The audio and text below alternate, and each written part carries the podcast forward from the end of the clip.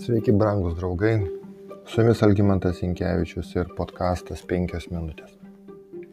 Kunigų 23 skyriuje aprašomos kasmetinių viešpatės švenčių ciklas. Jeigu galima sakyti, buvo šešios. Pascha, mūsų vadinama Velykos, kunigų 23 skyrius 5 eilutė. Neraugintos duonos šventė toliau eina. Paskui sėkminės, Naujų metų diena arba kitose vertimuose tai yra trimitų šventė, permaldavimo arba kaip kitur išversta sutaikinimo diena ir palapinių šventė.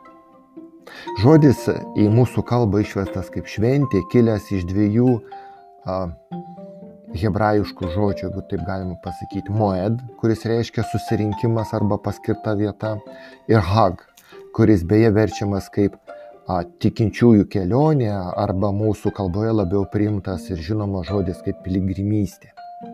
Šie du žodžiai kartais vartojami kaip sinonimai, nors Moed pabrėžia švenčių laiką, o Hag švenčių pobūdį.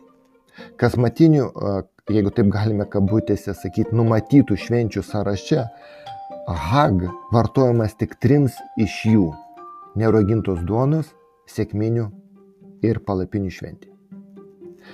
23 skyriuje 14-17 eilutės yra parašyta, tris kartus per metus švesi mano iškilmę, tris kartus per metus visi tavo vyriškiai pasirodys viešpaties Dievo akivaizdoje.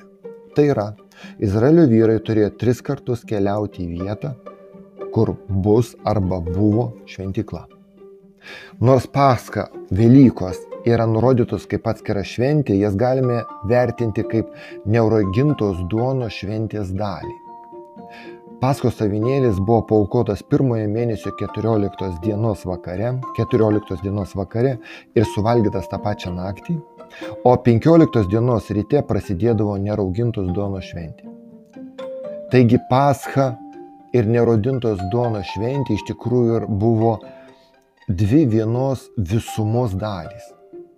Šiuo atžvilgiu galime kalbėti ne apie šešias metinės šventės, o turbūt apie penkias.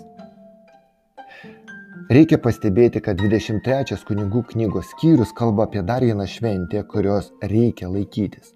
Pačioje pradžioje, net prieš surašant visas metinės šventės, vieš pasako mozijai kalbėk izraelitams ir sakyk jiems štai viešpaties iškilmės švenčių dienos kurias paskelbsite kaip šventąsias sueigas mano nustatytas iškilmes. Šešias dienas bus dirbama be o septintoji diena yra visiško poilsio šabas šventoji sueiga. Nedirbsite jokio darbo tai šabas viešpačiui visose jūsų gyvenvietėse. Ankstesniuose vertimuose e, vertėjai naudojo labiau lietuvių kalboje žinomą žodį vietoj šabas - sabata. Taigi, po šitų žodžių tik tada viešpats vėl sako, štai viešpatės nustatytos iškilmės šventosios suigos, kurias švesite joms paskirtų metu. Taigi, šabas, sabata, aš taip vadinsiu iš dviejų žodžių sudurtinių šitą a, a, žodį yra perkeltas į pirmąją vietą tarp viešpaties švenčių. Šiame tekste yra šie žodžiai šabat šabaton. Pažodžiui poilsio poilsis arba tobulas sabatas.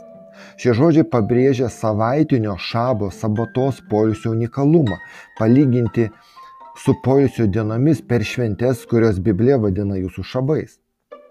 Viešpaties šabas sabata skiriasi nuo visų kitų švenčių ir šventų susirinkimų tuo, kad jis atsirado sukūrus pasaulį.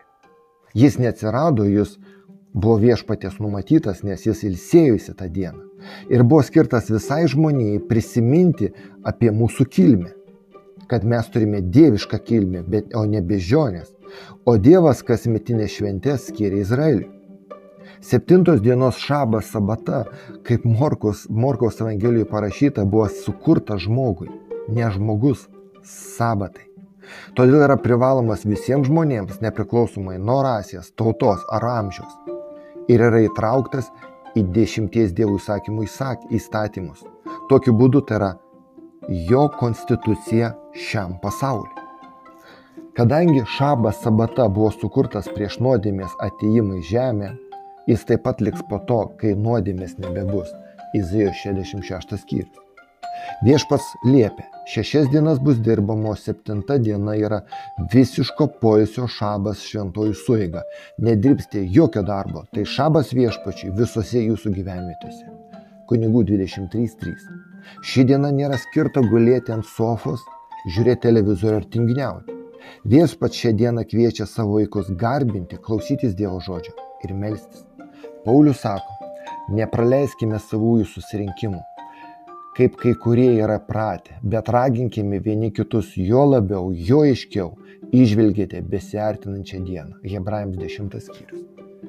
Brangus draugai, jei viešpats leis, kitomis dienomis kalbėsime apie kiekvieną šventę ir jos reikšmę išganimo istorijoje. O dabar šveskite viešpatės sabo, šabo dieną, nes tai yra poilsio viešpačiui diena. Su jumis buvo penkios minutės ir Algymantas Ingė.